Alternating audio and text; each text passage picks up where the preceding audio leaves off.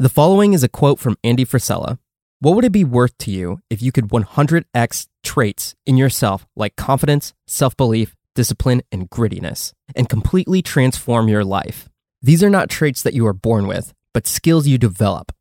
I've spent more than 20 years figuring out how to master mental toughness, and I'm putting everything I've learned into a program I call 75 Hard. What's it all about, and how can it help you become who you were meant to be and get the life you want? End quote. What is up, Merce Nation? Javier Mercedes here for yet again another Passion in Progress show where we talk to inspiring individuals and hopefully through hearing their stories, you too are motivated to go out and pursue your passions as well. And on the 69th episode of Passion in Progress, I am going to tell you about my experience with the 75 Hard program. It's completely free for anybody that wants to try it. And after those 75 days, you will become a different person. This whole podcast is going to be me unloading what I've experienced doing the 75 Hard program and some of the things that you can look forward to if you do decide to do a program like this for yourself. Before I dive in, I just want to say thank you to all the listeners so far that have been sharing out the podcast. I've been getting a lot of great reviews and feedback lately, and I want that to keep coming. So if you could just help me out by sharing out an episode that you thought was awesome, and if you have another like minded individual that you think would get value from this podcast, please share out an episode with them or leave me a review on Apple Podcasts or subscribe and follow the podcast on Spotify or Apple Podcasts. Any of those things are the indicators for those algorithms that show that, hey, this podcast is worth listening to. We should push it out to more people on those platforms. So anything that you can do in that regard really helps me out. Another thing is I am on Patreon. I haven't really been mentioning it on past episodes, but I thought I would throw that out there again and all of the people that are my patrons so far. Thank you so much for what you guys have done to help me keep creating the content that I do. Now let's get into 75 Hard, and let me tell you a little bit about Andy Frisella.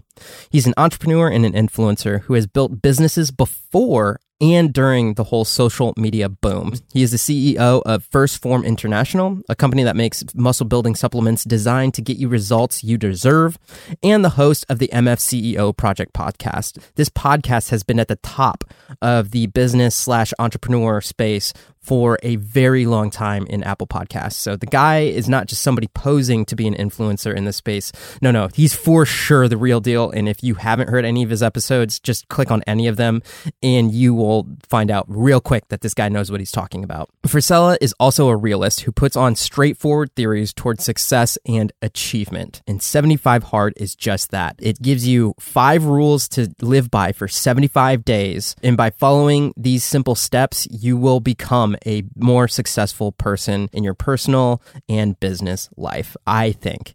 And I can prove that by just explaining to you what I've gone through in the last 75 days. If you want to hear about 75 Hard from the man himself, Andy Frisella, he did a podcast all about it in its episode 290 of the MFCEO project. It's called 75 Hard, a tactical guide for winning the war with yourself. And I'll link that episode on my show notes for this episode on my website, javiermercedes.com. Let me break down these rules of 75 hard that you are going to be doing for the next 75 days, if you choose to, in what I experienced. Rule number one exercise twice each day for 45 minutes. One of these workouts must be outdoors. Now, I love the way that he phrased this because it's two 45 minute workouts instead of just telling you, hey, you're going to be working out for at least an hour and a half every single day. The way that I broke this down was one workout in the morning and one workout at night. I would knock out my outdoor workout in the morning, and that would either consist of running or walking.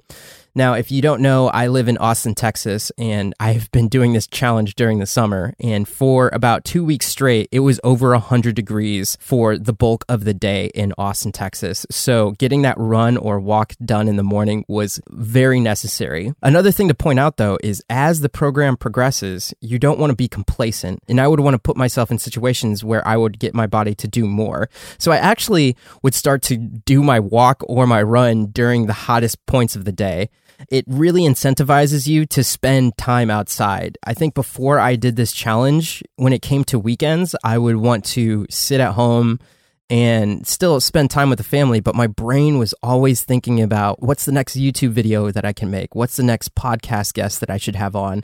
And during this time, my brain kind of shifted to, oh, I wonder where we could go this weekend where we could spend time outside and go to a park or something like that. Now, again, it was over 100 degrees, so sometimes that would have to uh, get shaved down. But getting that much fresh air and that much sunlight has really affected how my energy is from day to day. And I can actually tell you that even though I've finished the challenge, I'm actually still taking 45 minutes a day to walk outside before I even sit down at my computer, which is, I think, really awesome. I'm prioritizing health over my work. And hopefully, in the long run, because of that, because I'm more energized and all of those other attributes that come with living a healthy lifestyle, that will translate to a better work life. For my night workouts, I'd be going to the gym. And what I would suggest is just Googling some sort of lifting program that would span at least those 75 days so you have a guide. Before my wife and I got married, we actually did this 12 week program by Lee Labrada that's on bodybuilding.com. And I found that same program and I just followed that to a T. The cool thing is, is I actually found a guy that created a whole Google spreadsheet that had every single workout, the reps that you needed to do, and links to how to do the specific exercise exercise if you needed a refresher on how to do that exercise, which really helped me out. But I'll probably link that in the show notes too www.javiermercedes.com just to give you guys an idea of how much I've progressed. On my first week, I could only bench, and I'm sorry to say this, 50 pounds. That's two 25 plates on each side. And by week 10, I could sit on a flat bench doing dumbbell. So that's one weight per hand. And both of those weights was a 60 pound weight. So instead of doing just 50 pounds on a barbell, I was able to do dumbbell press on a flat bench with 60 pound weights in each hand, which is crazy. It's so cool to track that kind of thing too in a Google spreadsheet. One other exercise to give you guys an gauge was my squatting. And I could only squat 50 pounds in week one. And by week 10, I was squatting 130 pounds. So I was pretty happy about that. During Lee Labrada's workout plan, it goes two days on and one day off. And on that off, you do cardio. But since I'm in 75 hard, I'm doing the weightlifting and I'm doing the walking and running during the day. And on those days off, I actually picked up yoga. And to be honest, I actually started doing yoga outside some days instead of running and walking. And there's this woman online that is an amazing yoga teacher. And I highly suggest anybody that hasn't done yoga before to look up Yoga with Adriene on YouTube. The thing that I really love about her instructing style is that you can tell that she knows what to look for when somebody is trying to do yoga for the first time. So for me, I would start to do a certain stretch in a certain way, and then she would say something like, "Make sure that you're not putting pressure on your back in this certain way." And I, I would think to myself, "Oh my gosh, that's exactly what I'm doing right now. How did she know that?" Well, it's probably because she's really experienced in what she's doing.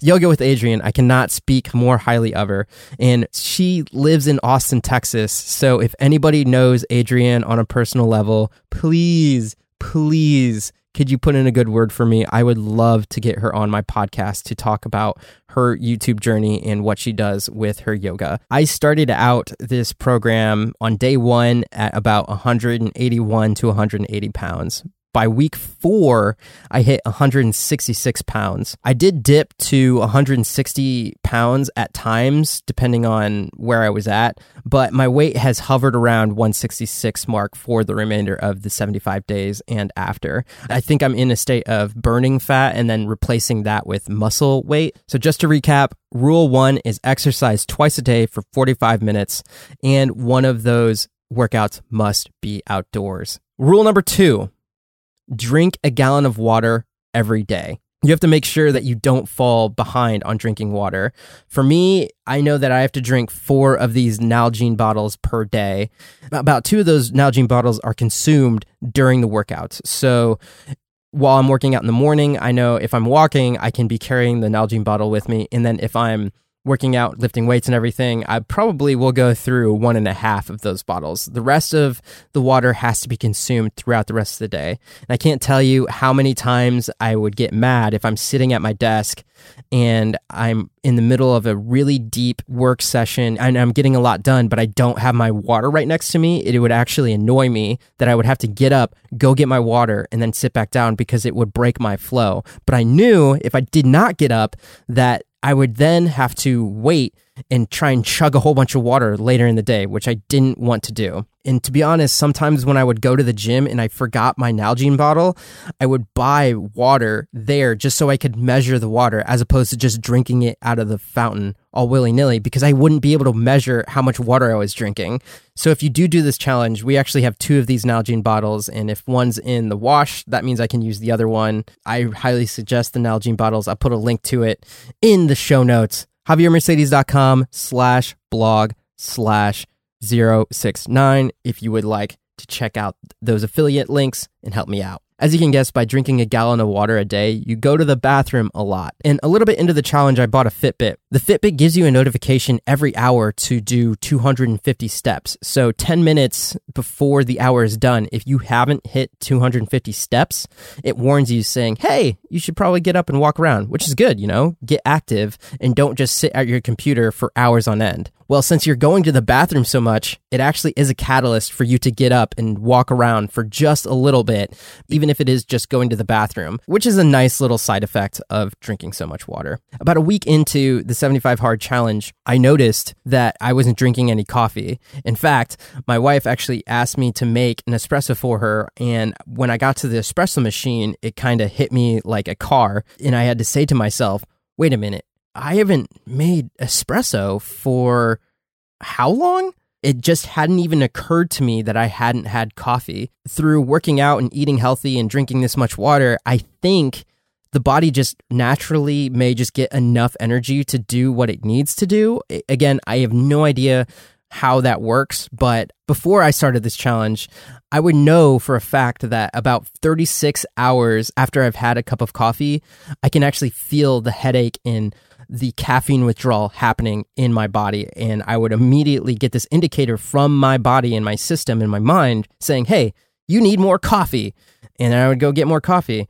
So the fact that I could go along this long without even knowing that I wasn't even drinking coffee baffled me. So during the remainder of my 75 hard challenge, this isn't a part of the challenge, but I just put it in there just to see how it would go for myself and what it would do for my own personal nutrition is to eliminate coffee. During the 75 days, I actually didn't drink any coffee and I lived. There were definitely moments where I was tired for sure because I wasn't getting too much sleep during this challenge. Throughout the day, my energy levels and my ability to focus on what was needed was just as good as when I would be drinking the coffee. So it actually makes me think drinking the gallon of water a day probably was a big help in not having to have so much coffee all the time. Rule number three is you need to pick a diet or eating plan and stick to it. There are absolutely no cheat meals allowed during your 75 days and also no alcohol. So for some people, sometimes their whole eating plan or their diet was no sweets. So they didn't eat any Skittles or candy or any soft drinks and all of that kind of material. For me, I actually stuck with Lee Labrada's nutrition plan that pairs with the workout plan that I was already following. Here's what a typical day would look like for me. I would be eating six times that day. Breakfast would be egg whites and one serving of a starch. So for me, that was old fashioned oats, with soy milk. And then around 10 a.m., I would have what is deemed a small meal on his plan or a protein shake. Most of the time, it was a protein shake. Lunch was chicken breast, brown rice or sweet potatoes, and a salad. Three o'clock was another protein shake. Dinner was normally the same as lunch with a chicken breast, brown rice, or sweet potatoes and salad. Sometimes I would substitute salmon instead of chicken breast, but it's a lean meat. And then later in the evening, this is probably after I've gone and worked out, I have another meal of egg whites and unlimited veggies. So, the biggest thing when it comes to your nutrition plan on 75 Hard is to meal prep. You have to meal prep because you're fighting the battle of convenient food. If you don't have those healthy meals ready for you, it's so tempting just to go and make mac and cheese or whatever's in the pantry that you can quench that hunger with. For me, I would pick a day and just make stockpiles upon stockpiles of brown rice, throw in a bunch of chicken into the oven, and then go stock up on salad. And it actually made my day way more efficient because I knew what I was going to be eating at every single time during the day. And it made those decisions so much easier.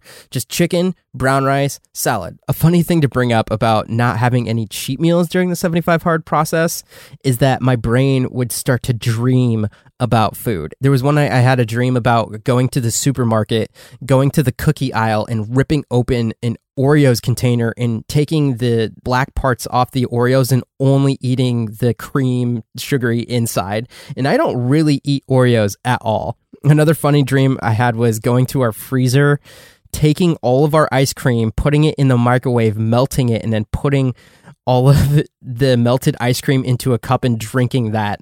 I could tell that my brain just wanted sugar, but none of that sounds appealing to me right now, maybe subconsciously. And after reading comments and talking to other people that are doing the 75 hard challenge, having dreams about what you can't have actually does start to happen. Andy Frisella actually brings this up during one of his podcasts. He dreamed about being at a business event and that somebody was pouring shots.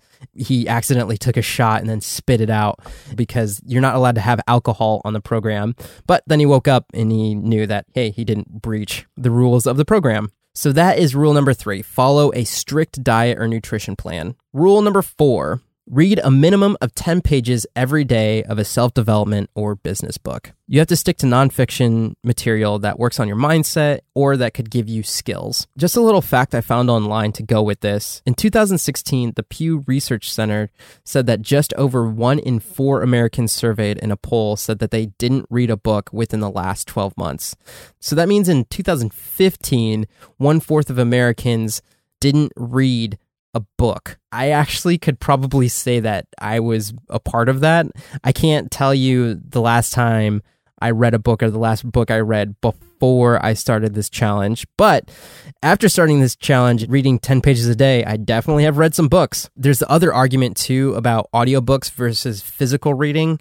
And this has to be a physical book. You have to read it in order for this to count. It can't be an audiobook for me, this was the rule that was the hardest. And like I said, I was probably in that one fourth of Americans that hadn't read a book. I am so slow at reading. And because of that, I just ignore it and I don't read a lot. I make YouTube videos and I really like ingesting content through YouTube or through podcasts, but reading just takes so long for me. And during this challenge, I would get my 10 pages in every night before I went to bed. And I have to say that physically reading a book has helped me immensely, at least with my podcast conversations, because I can take the concepts that I've learned from those books and apply them to what I'm hearing during my podcasts. And it's kind of liberating in a way when I approach a certain question and then I mention a book, and the guest actually says, Oh, I've read that book as well. And then we start to elaborate on a specific subject that maybe they're dealing with that pertains to something that the book is talking about. And I wasn't expecting that kind of return on investment in reading books. For me, the first book that I read was The Tipping Point by Malcolm Gladwell. The Tipping Point is a book about how small actions at the right time in the right place and with the right people can create a tipping point, quote unquote, for anything from a product to an idea to a trend. To me, the content within this book really struck a chord with some of the communities and other content creators that I know online and what they've done to set themselves up successfully in creating their own brands and what was it that made whatever video go viral or whoever person that's behind a brand to go viral. And this book really dissects those kind of things. And for those that haven't read this book, maybe this will entice you to read it. I really like the part of the book that talked about the specific types of people that help spread the word about whatever a movement, brand, or whatever that thing is that goes viral. And there's three kinds of people there's connectors, they have a massive social network with many acquaintances and allow ideas to spread from one social group to the next. There's salesmen, these are people that boast about the ideas they love. They're incredibly positive with energy and they're contagious. And then there's also mavens. They hoard information in order to be a source of great tips to their network, the people of which they greatly influence with their advice. These are people that kind of keep other companies in check by really knowing the ins and outs of what a company is doing. And the book talks about if you find someone that's a combination of all of these people, then you've really struck a chord with whoever you found. It's somebody that could be both a connector and a salesman, a salesman and a maven, or all three. It's a great book, would highly recommend. I'll link it in the podcast notes. Second book I read was How to Win Friends and Influence People by Dale Carnegie. This book was written back in 1936, but for the most part, all the principles in this book still apply to today. To give you an idea of what's in this book, some of the chapters go like this Fundamental Techniques in Handling People, Six Ways to Make People Like You, 12 Ways to Win People to Your Way of Thinking, How to Change People Without Giving Offense or Arousing Resentment. The funny part to me about just those titles alone is they read like blog posts for the internet today, but this was written back in 1936. If any of those things strike a chord with you, then I highly recommend picking up How to Win Friends and Influence People by Dale Carnegie. The third book I read was Primal Branding by Patrick Hanlon. This is a recommendation that Derral Eves, a SEO guru of YouTube, recommends to everybody. So I thought, hey, I'm on YouTube. I better read this book. Primal Branding sets out to answer the question of how do you create a community that becomes so passionate about your success they create it themselves? The book dissects some really major brands and how they have come to create the communities and the brand that they have today. Huge brands like Nike and Lego and those really, really top tier, when you see that brand, you know exactly what they stand for. The things that I got from this were from the content creator side. And for any of you other content creators or YouTubers out there, think about these pillar things. One, your creation story. This is the story about you, what life experiences contributed to who you are and how you got started on YouTube. Two, your creed. What do your fans believe in and why does your channel bring them together? Three, leadership. Remember to use your passion to create leadership on your channel. Four, the rituals. What is something that you could do in each video to put your unique signature on it? And five, the language. Make fans feel like an insider by using lingo that only they will know about. So take with that what you will if you are a content creator or YouTuber. I know a lot of those things that I just said really pertain to what I'm doing now with my channel and my podcast and all of that kind of stuff. So I hope that kind of helps you too. And I hope by me giving you those bullet points on those three books showcases that it was a good decision to physically read books. Let me move on to the last rule. And this one is the fastest one to do every single day, but can be the easiest to forget. It's take one progress photo of yourself each day. I will say that there were times when I was laying in bed, about to go to sleep, dead tired, and then I kicked myself up because I knew that I forgot to take a progress photo of myself. There's a couple photos in my phone where I'm just looking dogged tired and my eyes aren't even open, but I'm there with my cell phone taking a picture of me in the mirror. What really helps with this is if you set a reminder or if you just build it into your routine to take the photo the very first thing in the day. I've actually heard that a good way to take this challenge is to take your photo and read your 10 pages at the beginning of the day. That way you're not stressed out and having to get those in during the day at some point in time. And I haven't said this yet, but if you mess up on any of the five things I've just said, you have to start all the way over on day one of the 75 hard challenge. And I think the progress picture is the thing that messes up most individuals when doing this challenge. So stay on top of it. I didn't really talk about 75 hard to anyone for the very first half of the challenge. But like I said, by week four, I had already went from 180 pounds down to 166 pounds. So by then, people were starting to ask me questions. Hey, you look great. What are you doing? And therein lies the growth of 75 hard because everybody starts recognizing these physical changes of the people that are doing this program.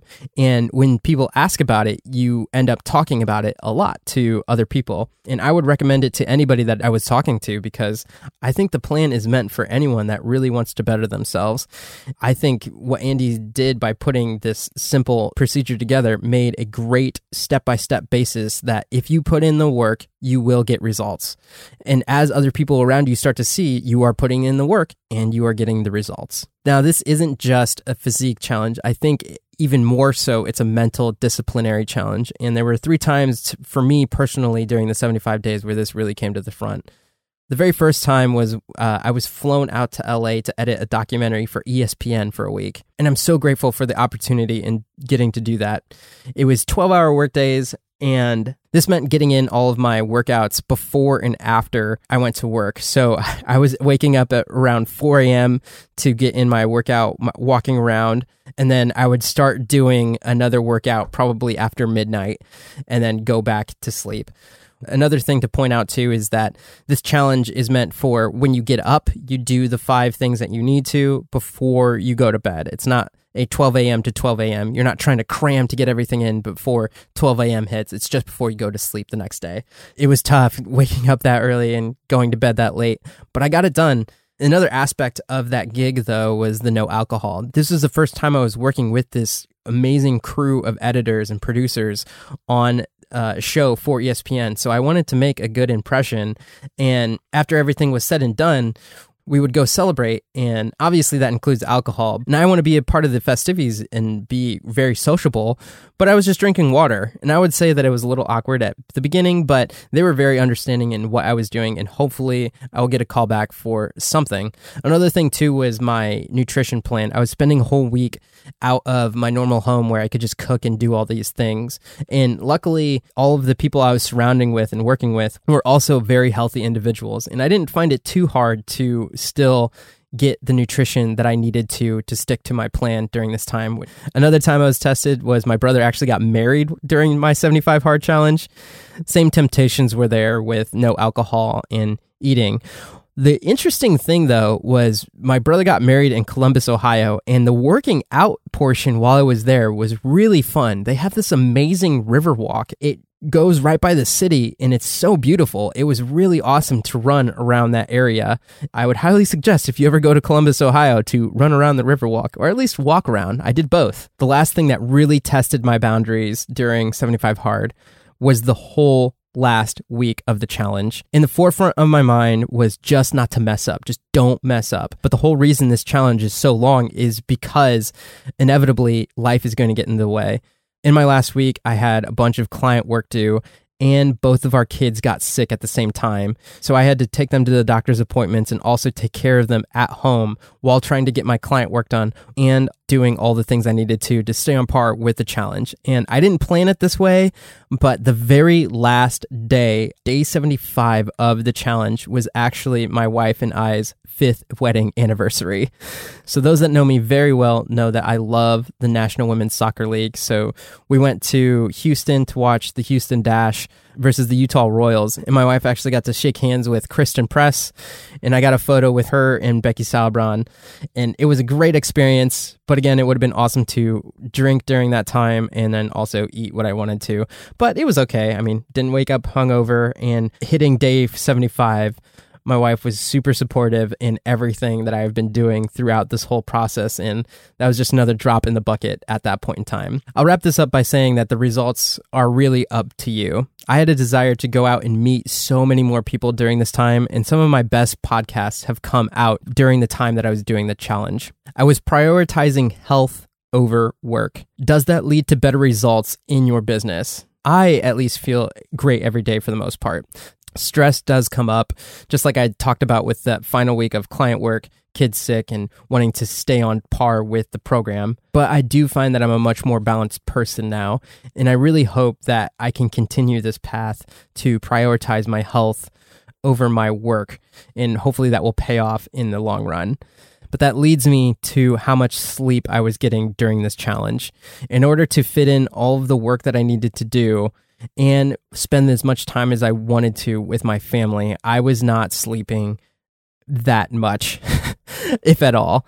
After a week or so into the challenge, when I did get my Fitbit, I was physically seeing how many hours of sleep I was getting. And this ranged from two hours a night to, I think, maybe twice I got eight hours, but that's very rare our kids like to get up at 5.30 now so it's kind of hard to get in eight hours unless we go to bed at like 9 which never happens from this point on i think i'm going to try and focus more on the sleep part and i think the reading for me is continually going to be the hardest thing to get done. It hasn't gotten any easier for me to sit down and read. And part of the reason why i was getting to bed so late was because I would do as much work I was I would normally do during the day.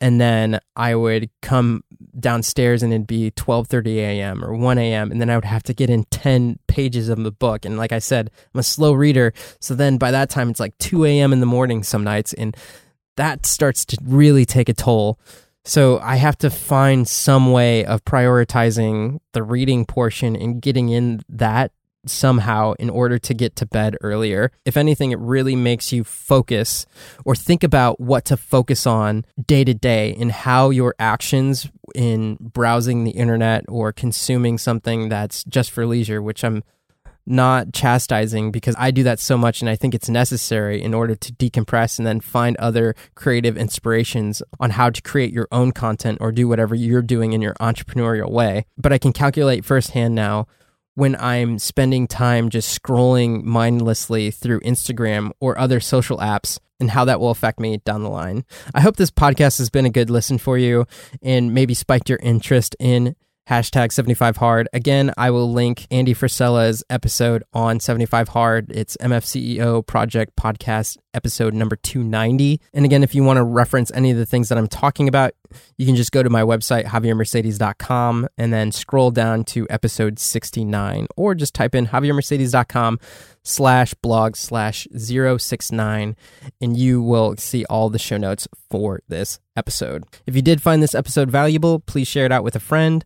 And also, if you want to help me out in this podcast, again, I'm on Patreon at patreon.com slash Javier Mercedes. Thank you again to all the listeners of this show. It's grown significantly since I've started it, and I have some big plans for guests and things of that nature in the future. But till then, I hope you guys are out there living a life of abundance, and I'll see you guys on the next episode.